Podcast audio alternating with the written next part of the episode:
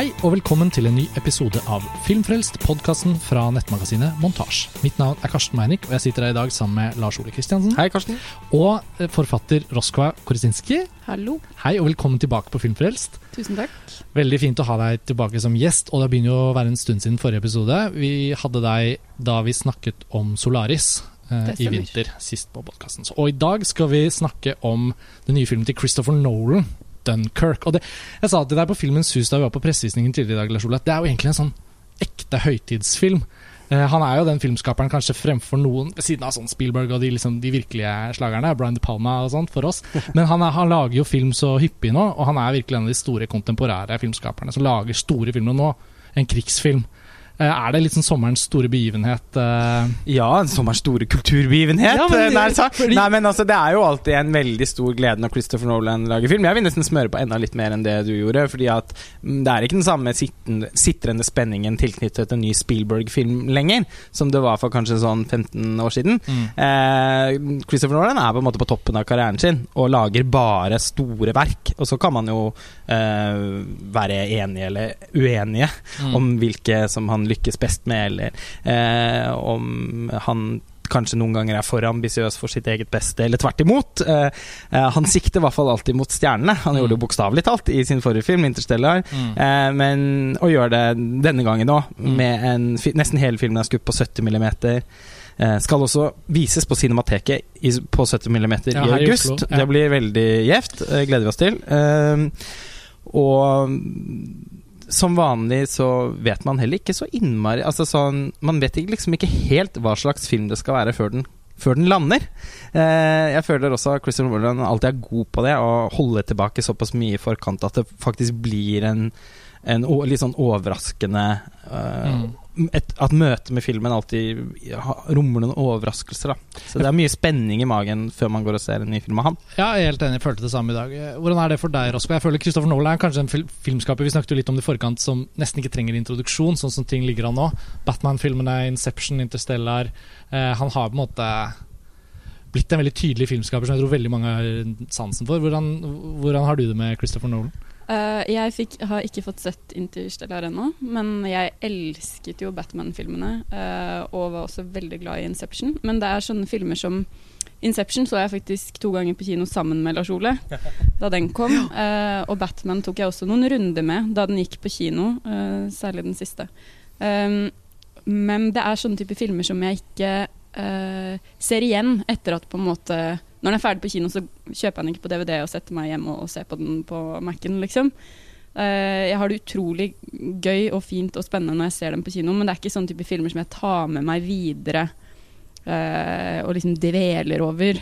Uh, så jeg hadde jo ikke sett Inception Jeg har ikke sett Inception og Batman siden de gikk på kino, så jeg var litt sånn hadde nesten glemt litt hvordan, hva slags regissør han er, da, annet Mm. enn at jeg husker at jeg likte de filmene veldig godt. Mm. Så det var utrolig gøy å få en påminnelse om det i dag. Ja, altså vi må jo Og han lager jo fi altså sånn, om no, Er det noen i dag som lager film for kino, Mm. så er det jo Christopher. Og det er jo ikke noe poeng å sitte og se de filmene på Mac-en. Eh, da visker man jo ut opplevelsen snarere enn Da må man i hvert fall sørge for at de forholdene man har hjemme eller hos noen andre Mm. til å se de filmene på nytt, er eh, gode nok. Ja, for veldig mye film og gjensyn, filmopplevelser, kobles jo nå veldig til en form for sånn nesten sånn altså forbrukeraktig konsumering av film. Altså liksom Man spiser film nærmest, og det er jo på en måte vi er sikkert de største synderne i den forstand, på sett og vis. Men så skal man jo også tenke på filmene og danne seg et dypere forhold til dem og sånn og sånn, hvis man har et visst forhold til det. Men noen filmskapere, og kanskje særlig Nolan, er jo veldig opptatt av at det kinomøtet for alle de liksom millionene som går på kino og ser hans store, gigantiske filmer, det kinomøtet skal svi seg, liksom. Det, det er, han bruker kinoen for alt den er verdt, sånn som du sier, Lars Ole. Og jeg føler Dunker skriver seg direkte inn i det. Uh, vi bør kanskje si litt om hvordan denne filmen skiller seg også fra det Nolan har holdt på med. Det er en krigsfilm, og ja, det er et originalmanus, for den er written and directed by Christopher Nolan, på en måte, men den er jo også da en filmatisering av en virkelig hendelse. Eh, og det føler jeg skiller seg ganske tydelig da, fra eh, visse av filmene hans, særlig selvfølgelig Batman-filmen fordi det er tegneserie eller superheltfilmer.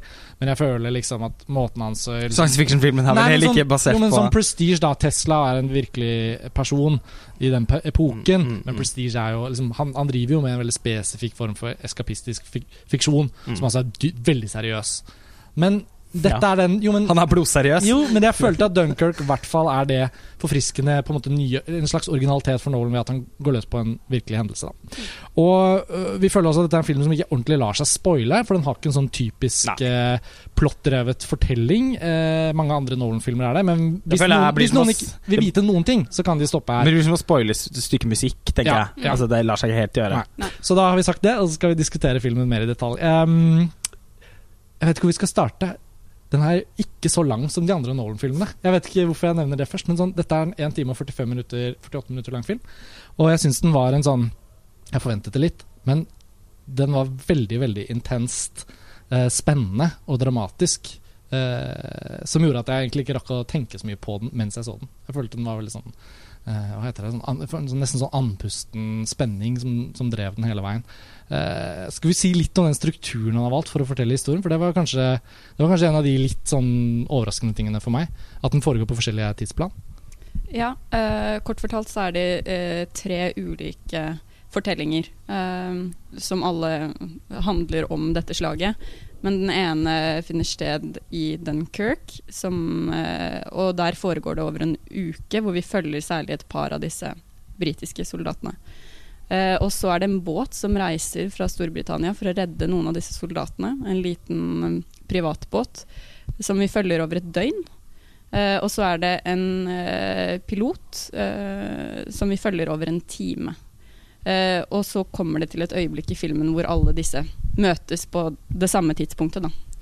Uh, som kan høres liksom merkelig ut, uh, men som jeg syns fungerte veldig bra.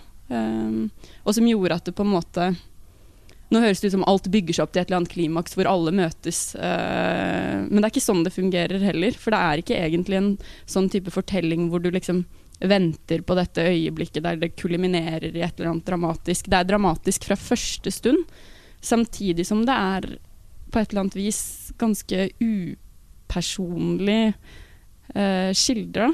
Jeg vet ikke om dere er enig i det, men selv om det er liksom utrolig flotte karakterer som, som vi heier på, eller hva man skal si, så, så handler det mye mer om rollene deres enn om hvem de er som mennesker. Mm. Uh, og det syns jeg fungerte eh, veldig godt.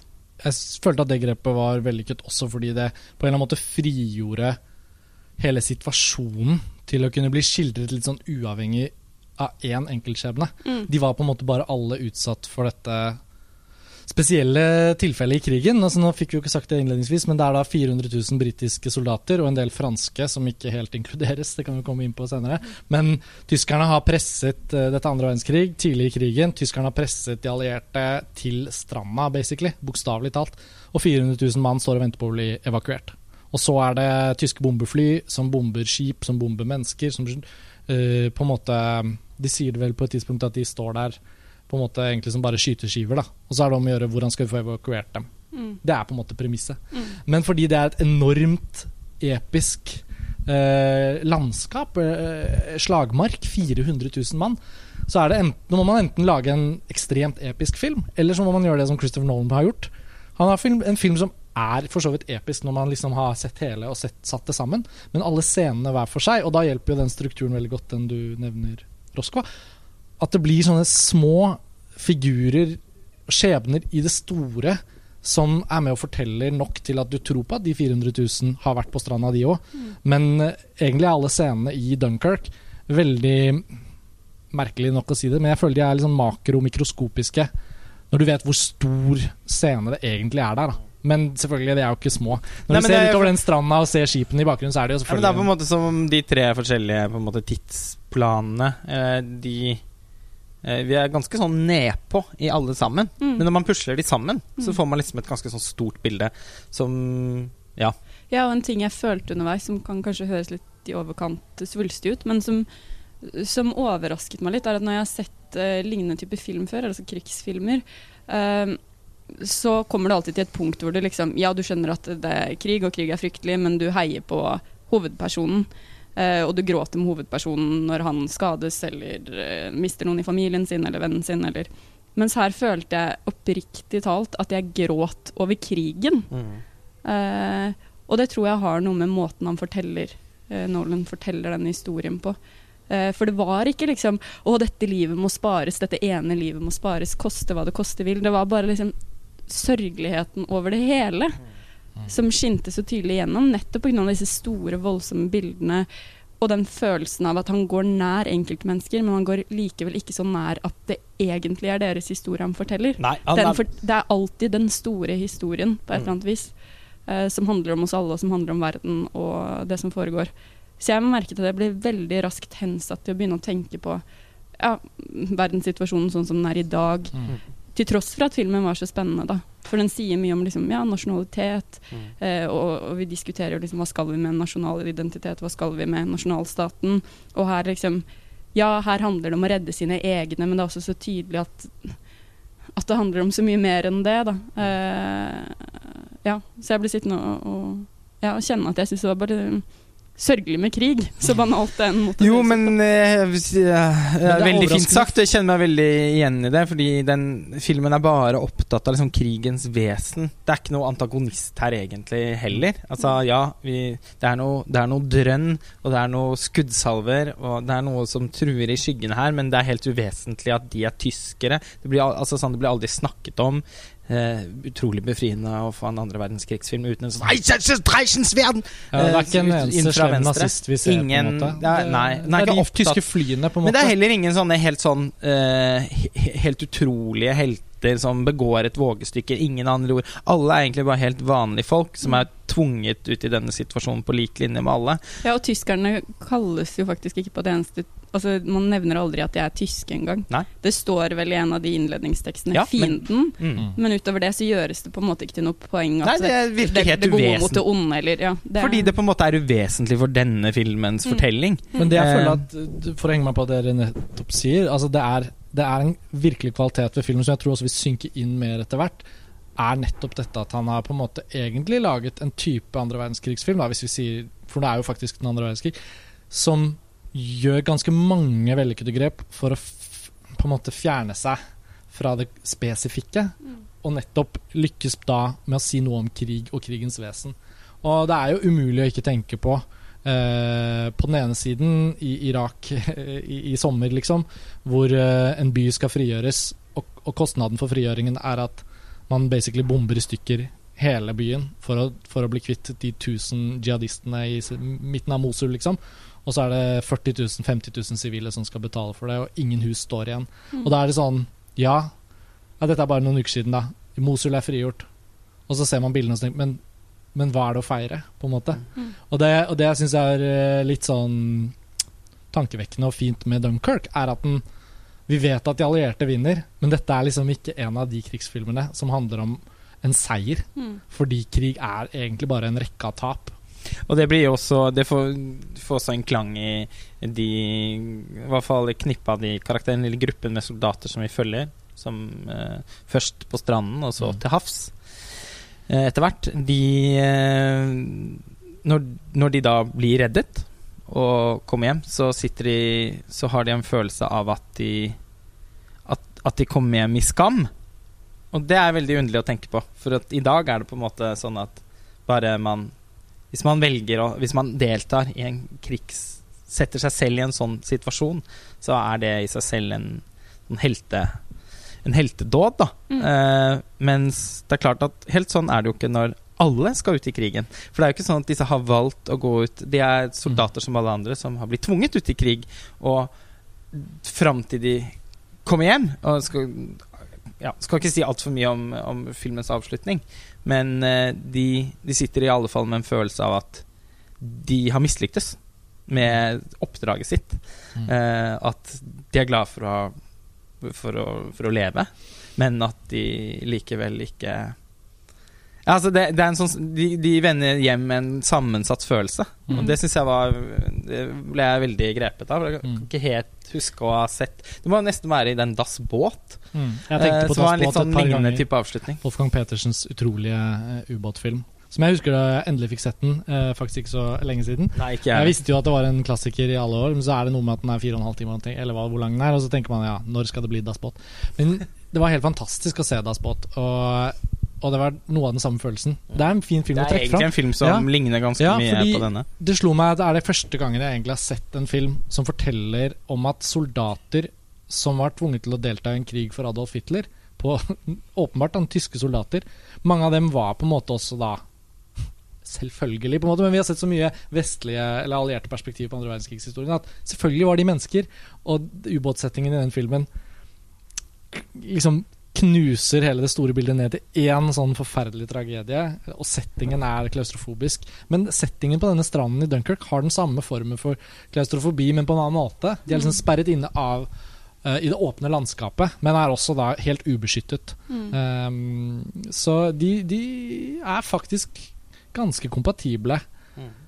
i forhold til en type krigsfilm som vender seg vekk fra den standardiserte krigsfilmhistorien. Og jeg tror at man faktisk må ha en filmskaper av Christopher Nolans kaliber, men også en med såpass mye makt. For han er jo nå en filmskaper som en av få som lager så dyre filmer i en så stor skala i Hollywood, som fortsatt antageligvis har nærmest komplett kunstnerisk frihet. Da.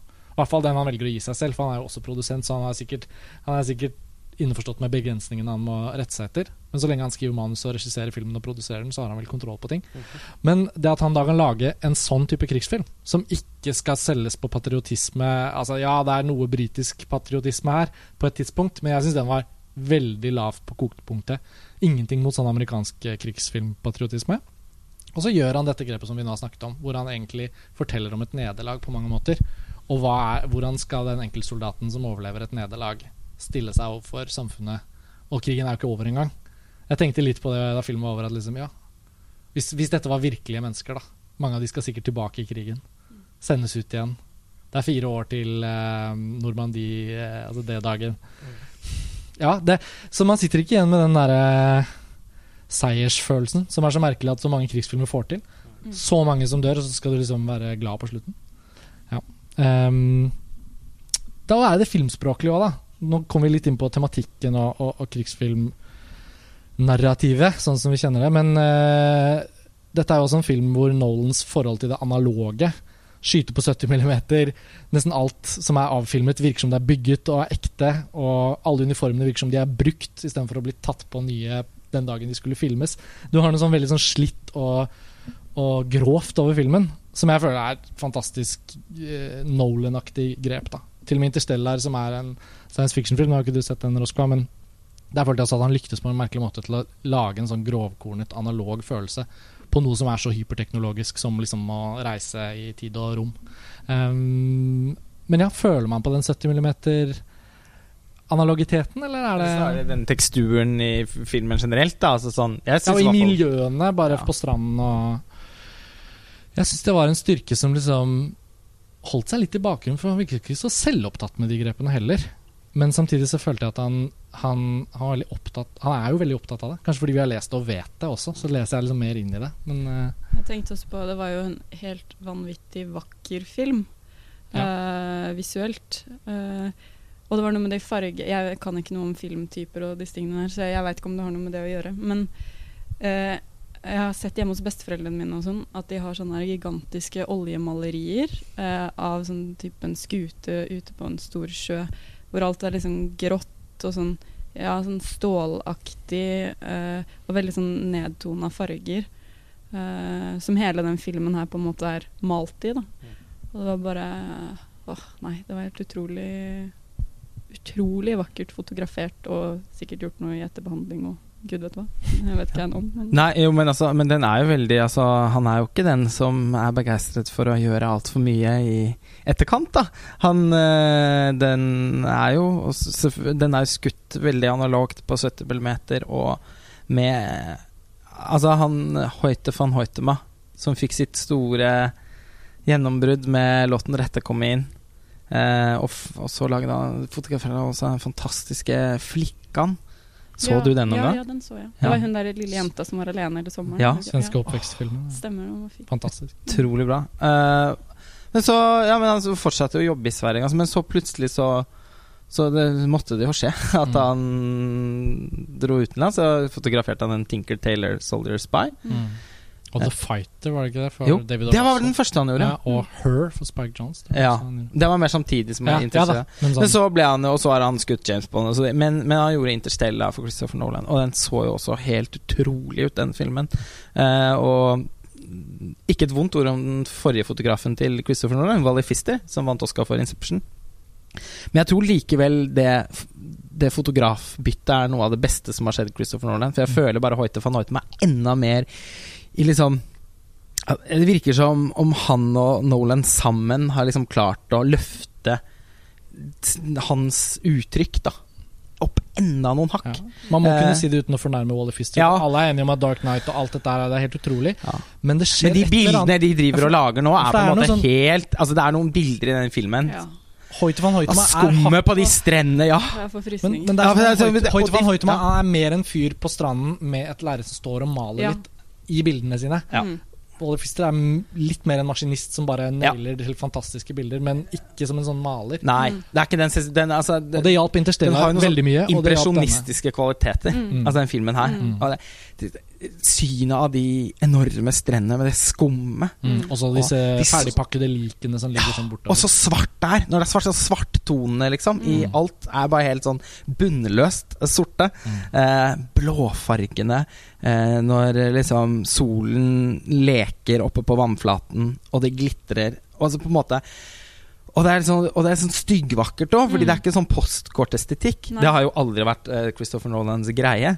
Uh, og han unngår det veldig elegant her òg, samtidig som det er litt sånn Samtidig som det er veldig vakkert. Ikke Hoit van Hoitmanns greie heller. Nei, det, er ikke altså, sånn sånn, at ja, det, er mange, det er ikke mange frames i land rett inn som ville vært et postkort fra Sverige. På Ja, men, det er så, ja, men det er så utrolig bra å finne den balansen, da. Mm. Og klare å få de der. For det er sånn helt Det er pustberøvende bilder, på en måte. Mm. Som er helt De er så vakre at man blir helt satt ut av å se på dem. Samtidig som det ikke føles sånn der glatt er eller ikke noe sånn kitschy og- Nei, eller kitsch, ja. Mm. Så sånn, det blir ikke sånn derre Hæ, hva sånn I denne han, kl- Det er bare så sykt bra gjort. Mm. Mm. Og måten oh. å skape spenning på innad i disse vakre bildene gjør det jo også veldig sånn tosidig når man ser den, fordi bare åpningen av filmen, Mm. hvor eh, en, en Det føles veldig som en, en hvilken som helst soldat, på en måte, selv om vi følger han gjennom filmen.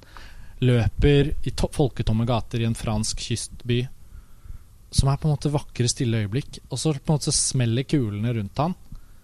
Og så fort det er etablert, så opprettholder Nolan gjennom hele filmen en følelse av at i dette vakre landskapet, på dette stille havet, på denne lille fiskebåten, så kan det smelle når som helst, fordi det er krig, liksom. Så han klarer å liksom sette opp det vakre med en type spenning som aldri føles sånn påklistret, eller sånn horror, sånn jump scare-aktig. Men det får jo den effekten når man på en måte slår seg til ro de sekundene man får med et bilde eller med en stille samtale eller noe, Mm. så smeller det, og så vet man at ja, selvfølgelig. Det er på en måte ikke et trygt øyeblikk, og de er presset opp i et hjørne, bokstavelig talt. Og evakueringen virker ikke særlig vellykket, i hvert fall ikke i begynnelsen. Um, så det er jo rett og slett st- stort kunstnerskap, da. eh, fra Hoitema, fra, fra Nolan, selvfølgelig. Jeg syns skuespillerne gjør også en fantastisk jobb, for det er så bra castet også. Mm. Så alle fra litt mer berømte skuespillere til helt uetablerte unge folk. Han ene fra One Direction. Ja, det har liksom blitt kjent i løpet av produksjonen. Ja, Hvem var det? Det var han En eh, ekstremt berømt sånn ungdomspopstjerne nå, Harry Jeg vet, Styles. jeg vet hva One Direction er, men jeg så Jo, men han han, ikke. Han har noen soloprosjekter og også sånn. Var det ikke han, han er liksom, han har sånn 30 millioner følgere. Var det han som var sammen med Taylor Swift? Det har ikke peiling. Men hvilken rolle spilte han i filmen? Han eh, på, han, han litt hissige, Han litt uh, temperamentsfull, ja. Når de står nedi Han båten som- der, som tar, som, som tar litt sånn okay. Han som tar Ah, litt ja, ja, lederskap ja, i den gruppen. Ja, ja, ja. Ah, mm. Jeg catcha ikke det. Nei, altså Jeg det var. Jeg hadde heller ikke visst det hvis jeg ikke hadde lest. hadde lest om det. Og jeg må innrømme, jeg har også, jeg har også liksom vært klar over at det fins et tenåringspopband nå som heter One Direction, men jeg tror ikke jeg ville kunne plukke ut én låt, og i hvert fall ikke Nei. kjenne igjen eh, ansiktene og sånn. Og det Nei. føles jo veldig befriende, da. så slipper man å tenke at han dukker opp som Ja, et sånt sår. Det er ikke men- Justin Bieber, men han- han liksom. kledde det, det Han passet så utrolig bra inn. Fordi Ja, han var jo han var kjempebra. Uh, Men alle ligna altså, ja, det var kastet litt sånn like typer. Ja, og jeg tror de må ha farget håret på dem Ja, for for det er, så har- mange er det ikke fra England med liksom kult, svart hår. Nei, det Det var, var veldig veldig flott. Ja, var- kjempeflott. Også et sånt vakkert eh, estetisk grep. Mm. Men ja, det var bare mørkhåret det i filmen. Bortsett fra, Bortsett fra han, et par. og piloten. Ja, og han fra på Nederland, som selvfølgelig hadde rødt hår. Ja. Men uh, sånn blondrødt. Og som det har blitt tullet mye med på, på Twitter de siste ukene. eh, Tom Hardy? ja, han hadde maske, da. Ja. ja, han eh, var jo litt tilbake som Bane. Ja. 90 av scenene i flyet Ja. der hvor han satte med den masken. Men helt uh, supert, det. Ja. Nei, men altså, det er en sånn selvsikkerhet i å på en måte ikke han virker helt sånn uaffektert Mm. rundt at han også liksom har med noen kjente Altså sånn Mm. han eh, Mark Rylance. Ja. eh, som vant Oscar for sin nydelige birolle i Bridge of Spies. Mm. Han Ja, han, han har ikke noen sånne scener hvor han liksom skal gå for en ny Oscar. Og det er så deilig med filmen, det òg. At det ikke er noen sånne Ikke noe av det pjattet. Eh, eller sånn Ikke noe sånt. Eh, og Christopher Nolan blir Og jeg syns det er en veldig urettferdig anklage. Eh, men altså, herregud, jeg vet at det finnes argumenter på andre siden av det. Innad i eh, Altså på tidligere podkaster eh, om Christopher Nolan. Nå har vi vært Vi har inne på noe. Nei, nei, nei. nei, nei. Og, eh, så, men jeg skjønner ikke helt den kritikken mot han rundt at han er så følelseskald. Jeg syns bare han har en beundringsverdig evne til å være, ikke være sånn, så veldig sentimental. Mm. Den eneste filmen hvor han er litt Så hvor jeg føler at han er ganske sentimental, det er Interstellar. Men den filmen er også så voldsom i alt den gjør, at det føles helt riktig for den filmen. Uh, men jeg har aldri klart å skjønne Altså Jeg har aldri blitt så beveget av noen superheltfilmer, f.eks., som de Dark Nei, Knight-filmene hans. ikke jeg heller. Men jeg tror nettopp det er derfor Der er vel folk bare skrudd sammen ulikt, da. For det, det er jo det som gjør at jeg blir så utrolig bevega, både av Batman-filmene og av den, denne vi så i dag. Eh, Er nettopp det. At eh, For jeg tenker når du først har den settingen som i seg selv er så pompøs, altså både i Batman og denne krigsfilmen, når du har denne rammen, da, eh, så blir det smør på flesk for min del hvis du i tillegg da skal liksom stå på en scene og tale med liksom bevrende røst. Da. Jeg syns jeg kler filmene utrolig godt at han skrur litt ned volumet på skuespillerne, eller de gjør det eh, etter hans regi. Eh, og det, det eneste tidspunktet i denne filmen hvor jeg følte at det var liksom Ok, nå blir det litt mye for meg, var bare ansiktsuttrykkene til en eh, kommandør som hadde litt den derre skuet litt for lengselsfullt utover havet osv. Uh, og da merka jeg at det lugga litt for meg. Um, men resten av filmen syns jeg bare var helt sånn ja, nydelig spilt. Det er da Kenneth Branagh det er snakk om. Ja. eh, En skuespiller jeg til vanlig ikke er så veldig begeistret for, nettopp fordi han er en så veldig sånn altså, Prototypen på en sånn britisk Shakespeare-skuespiller som Oh, de deg! Jeg, jeg, jeg, Han har vel regissert noen Shakespeare-filmatiseringer òg. ja, en helt grusom en som heter Henry the Fifth. Han, han, var vel ikke søm, han var vel ikke nedtonet i, i sin regi til skuespillerne i Thor heller? Nei, han hadde Ikke i. Cinderella heller, selv om den var god. Det er hans mesterverk. nei, men, eh, nei, men, men jeg må si eh, Til vanlig kan jeg ha ganske store problemer med han, men ikke i dag. Fordi han strengt tatt også var veldig nede til å være han. Mm. Men ja, han Men- er den som er mest ja, oppe. Sammenlignet Mm. med de andre. Men det var i hvert fall bra han da ikke spilte han, skips, han folkelige skipskapteinen. på Ja. en måte Han spilte i det minste liksom Ja. han eh, marineadmiralen. Ja da. Som man kan se for seg også at kanskje Ja. Ja. er en Det sånn er hans type rolle å heve hånden til Ja. eh, panna, på en måte. Og, og så er det noen av disse tingene som jeg føler at det er enklere Og som sagt, det er så små ting, så i andre filmer så ville man ikke tenkt over det engang. Men bare fordi filmen er så sober, Mm. eh, så, så blir så, så kan man liksom eh, Ja, så blir det litt sånn at man blir ekstra sensitiv òg, da. Mm. Men eh, jeg føler mye av det også kan avskrives på en sånn der britisk kvote. Mm. Fordi jeg syns Altså, han nå er så british at ok, det er greit. Mm. Eh, det er litt sånn de er. Og eh, en, noen av de tingene liksom mot slutten av filmen som på en måte tipper litt mer over i det litt sånn eh, Ja, potensielt sentimentale, i hvert fall. Eller eh, til og med litt sånn patriotiske. Nå har vi fått Mm. litt eh, sånn musik Jeg, jeg, skulle, musikalsk jeg skulle til å si det. Vi, vi har utegående studio her i dag og sitter på Vika kino i Oslo. Og ettersom kinoen er på vei til å åpne, så får vi litt sånn bakgrunnsmusikk fra, fra føre, reklamer og trailer og sånn. Kanskje traileren til Dunkirk Ja. kommer, så blir Ja, det det helt perfekt. Nei, men jeg skal, oss- jeg skal fullføre Ja, det. fullfør, og så Ja, skal fordi- jeg si hva det bringer oss over til. Ja.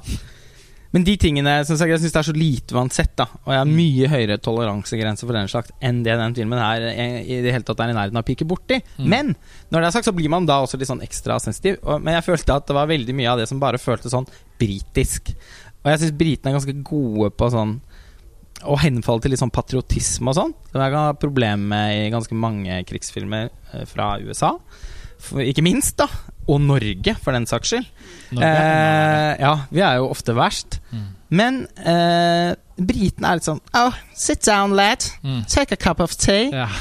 Britain, the proudest nation in the world. Ja. Altså, det er noe sånn Den britiske folkesjelen på en måte er litt sånn, og den var til stede i filmen på en fin måte. Og det minnet meg om, ved siden av at filmen minnet meg om Dahls uh, båt, Mm.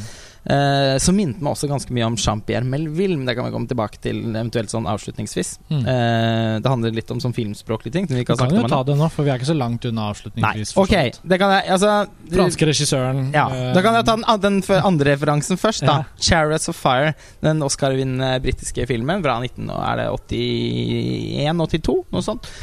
Eh, som jeg nylig hadde et gjensyn med i, på filmfestivalen i Berlin. Som jeg glipp av. Ja, fordi du måtte måtte i en eh, viktig middag. Ja, Det er fortsatt ikke en film jeg har sett, da. Men Nei, ja, det var jo veldig leit, for Mm. den ble jo vist eh, på i, i sånn nyrestaurert utgave der. Og jeg hadde ikke jeg hadde bare sett filmen én gang fra før av. Og det er en sånn film det er veldig delte meninger om. Det er mange som syns det er en av de mest sånn overvurderte Oscar-vinnerfilmene Mm. noensinne. og sånn Jeg er så glad i musikken til Vangelis at for meg jeg gjør det uansett at den filmen er litt gjev. Uh, altså for de som ikke er dun, dun, dun, dun, dun, dun, dun, dun, dun. Brukte i alle olympiader etterpå. Og på mye sånne reality-programmer og sånn, når noen har vunnet natur- en øvelse. altså, sånn, ja. Og den er jo- Den musikken i seg selv er jo nå så eh, kitsch og så klisjé som det er mulig å få den. Men det er noe, dette er jo originalen, da. Eh, og, og det er også en film som Og den har også en krigskontekst. Eh, men hvor man følger en sånn gruppe med eh, britiske lø som løpere, da. Eh, sprintere. Som, eh, som også Men ganske sånn Hele sånn filmens prosjekt er ganske sånn patriotisk anlagt. Men for, mest av alt så syns jeg den også ender med å bare fange en sånn britisk Ja, som jeg sa, sånn folkesjel. Eh, og måten de blir liksom løftet fram på, disse løperne, og tatt imot over enn hvor de er med, med te eller øl. Mm. eh, eller blomsterbukett, eller hva som er. Det er noe sånn eh, Ja, når jeg så den filmen, så ble jeg igjen sånn beveget av det. Og det ble jeg i denne filmen òg. Jeg syns britene er ganske gode på den slags. Mm. Jean-Pierre Melville.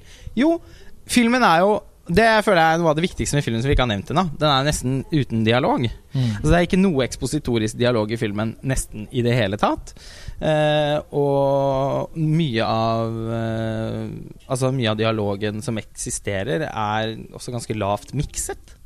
Så det er veldig lite sånn Oi, nå, kom, nå skal vi ha en samtale, eller nå skal vi fortelle dere hva som skal skje. Iscenesettelsen er nesten aldri konstruert etter sånn skudd-mot-skudd-prinsippet, hvor du liksom stiller opp to stykker, og så skal det klippes. Det er bitte litt på brygga der, eller på moloen der, og en og annen sekvens. Men det er så lite av det, man tenker ikke over det. Så det er verken faktisk lyden av dialog, eller bildespråket, som mange filmskapere av en eller annen grunn bare tvinger seg til når de skal vise dialog. Mm. Nei, altså det Så hele Den er veldig nære det man ofte omtaler som, som pure cinema. Eh, og øh, det var mange sekvenser her som minnet meg en god del om særlig den filmen til Jean-Pierre Melville som heter um, Den røde sirkelen.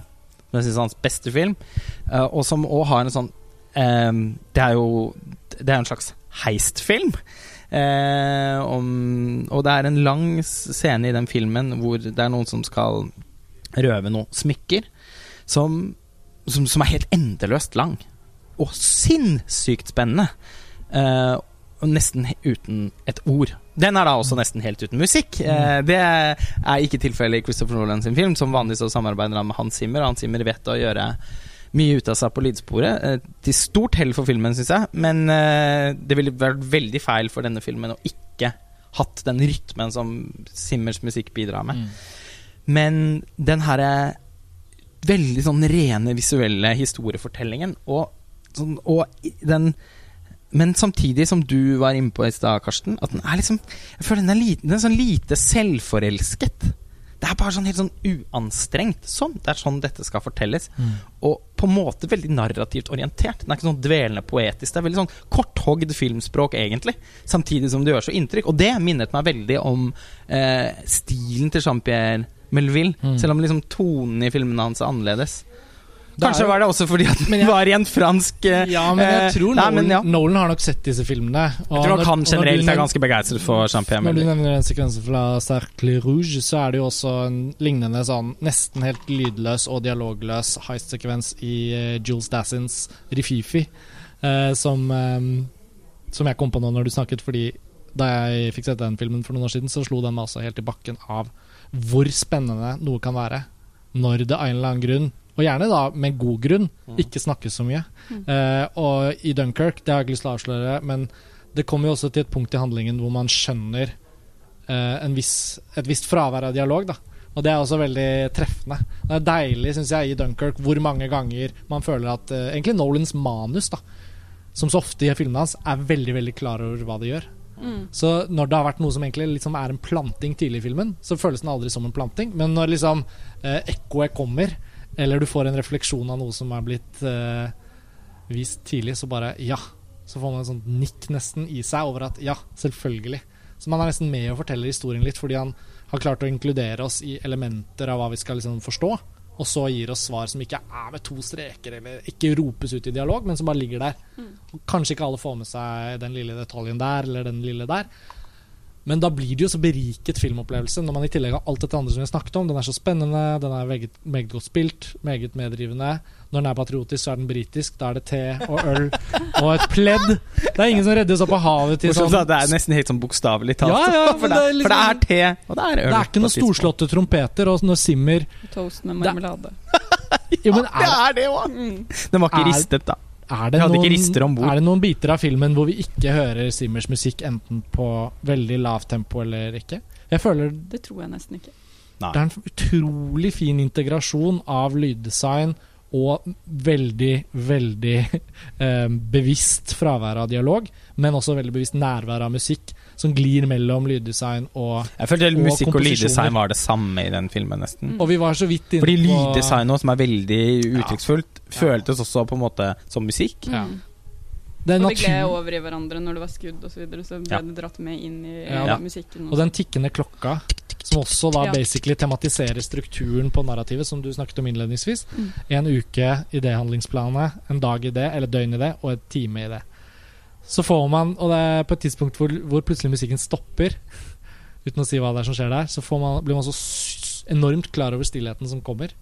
Fordi man har vent seg til hvilket liksom sonisk landskap man har vært inne i også. Da. Så nei, jeg syns det er egentlig et helt mesterlig gjennomført filmverk. Og Ja. det er umulig å ikke komme inn på til slutt at det kanskje nå er Nolan, Nolans år i forhold til de filmpriser da, og Oscarer. Og vi snakket jo om at hvis den hadde rukket å bli ferdig til Cannes, så ville den vært favoritten til å vinne Gullpalmen. Selv om vi elsker at Ruben Østlund vant for The Square, så var det noe med at vi, det var en sånn film som det her, som hadde bare sveipet bordet fordi det var et litt svakt år i Cannes. Og nå har den sommerpremiere og er en blockbuster. Det markedsføres som det. Og markedsføringen er veldig ærlig. Jeg tror folk får det de forventer. Jeg, jeg tipper det kommer til å gjøre det veldig bra på kino rundt omkring i verden. Kanskje særlig i Storbritannia og USA og Frankrike, som har på en måte veldig sånn sterkt forhold til andre verdenskrig og sånn. Og Norge antageligvis også. Men Oscar-prisene må jo nå, eller altså Akademiet, da. Hvis ikke man har anerkjent Nolan tidligere, så er det sånn Det er jo skriker jo etter anerkjennelse. Ja, altså, jeg, det var sånn sånn det er ikke eh, en typisk Oscar-film, men jeg syns den skriker etter det fordi den er så Den er for, altfor god til å være en typisk Oscar-film. Ja. Men uh, den uh, Nei, men det har, sånn, det har på en måte vært sånn fornærmelse uh, for ganske mange filmelskere at eh, Christopher Nolan fortsatt har til gode å bli nominert i kategorien for beste regi. Det er helt absurd å tenke på. Fordi mange av altså, manus til ja, men altså, Inception. Inception vant jo fire Oscar, var nominert til beste film Ja. og manus, men, men altså hvordan de liksom gang på gang Og klipp all, altså sånn, Ja. Men hvordan de gang på gang liksom Nei, ikke regi! Og det er så underlig, for han er jo så god sku... Det er jo ikke bare det at han helt åpenbart har en sånn filmspråksmuskulatur som de fleste sikkert bare er misunnelige på, men eh, Men han er jo så god skuespillerinstruktør også. Herregud. Uh, Hit Letcher read The Tark Night. Ja. Ah, ja. Ja. Nei, så det, det Ja. Mm. Skal vi oppsummere der, eller? Mm. Har du noen avsluttende ord, Roskva? eller noe du føler vi ikke har kommet inn på? Eh, Nei, ikke på stående fot. Nå ble jeg litt tatt på senga. Ja, men det, jeg føler vi har fått snakket om det meste her. Altså, Vi kan jo si noe om det som vi snakket om litt før vi begynte å spille inn podkasten. Fordi eh, da jeg fikk vite i går at jeg skulle gå og se en krigsfilm, til tross for at jeg er veldig glad i regissøren, så var jeg litt sånn åh, faen. Dette kan bli litt sånn halvkjipt. Um, men det er en krigsfilm for ekstremt Altså det er en film for ekstremt mange mennesker. Eh, det snakket vi veldig kort om i stad, da vi drakk kaffe. Um, fordi den er så sober, så kan den trekke inn folk som meg, som ikke er så veldig glad i sånn veldig nasjonalistiske, sentimentale, patosfylte filmer. Uh, og så er det en film for de som elsker krigsfilm, fordi det er liksom en helt utrolig bra laga krigsfilm som er vanvittig spennende.